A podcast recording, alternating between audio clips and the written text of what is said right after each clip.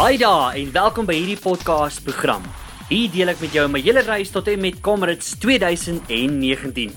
Ek gesels op 'n gereelde basis met al die kenners en hulle sal help om al die vrae te beantwoord. Alles van die korrekte voeding, wat is sportmasserings, belangrikheid van kragwerk, wat se skoene jy mee moet hardloop en hoekom 'n oefenprogram van kardinale belang is. Vrae soos hierdie en vele meer sal hier beantwoord word. My naam is Ruben Delmage en hierdie is Klappe Toon. So vandag kuier ek by SEMLU en dit staan vir Sport Exercise Medicine and Lifestyle Institute hier by Tuxa Sportgronde in Pretoria en baie meer spesifiek by die HPC, die High Performance Centre. En uh, gesels 'n bietjie meer met strength and conditioning coach Devlin Eden om ons meer te vertel. Okay, coach, the last time we spoke about the importance of strength and conditioning training, which is vital in, ta- in terms of training for comrades and for ultramarathon and any sort of endurance sport for that matter. So, coming to a gym, more or less, what types of workouts can one expect to be doing in terms of training for that? I think when you say coming to a gym, I think first and foremost is to make sure that you've got some sort of guidelines as to what you're doing. It's rather than just coming into the gym doing your own thing. So I would suggest having a strength and conditioning specialist that can assist you with these type of training.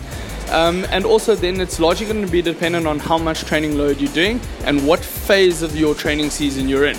So what I mean by that is when we start talking about uh, speed work, you need to be doing a fair amount of stuff in the gym that complements doing speed work, for example. So, what we refer to things as plyometrics or explosive sort of fast movement speed type of work in the gym that then complements your speed work on the track or on the road that you might be doing and then at the same time largely mobility kind of work so and mobility is allowing range of motion around a lot of your joints, allowing you to be able to handle again the kind of load and the kind of movements that you're going to be doing throughout uh, a comrades, for instance. Uh, it is important that you you're getting a good balance, and we think as runners we often need to just be working our legs, working our ankles, our calves, whatever it might be. But we forget that there's a fair amount of core work that needs to go into that. That's what keeps your body upright and keeps you you in a good position for the run.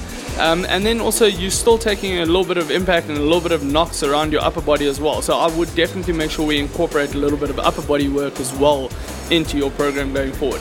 But I think more importantly, it's it's knowing what kind of exercises you're doing at what stage of your training to complement your running training as well. Okay, great, coach. So, if people wants to get hold of you to train, maybe how can they get hold of you? I think the best way would probably be just to pop me an email actually. Uh, so my email address is devlin.eden at hpc.co.za and they can give me a little bit of a training history, training background, and we can definitely take it from there based on what their needs are.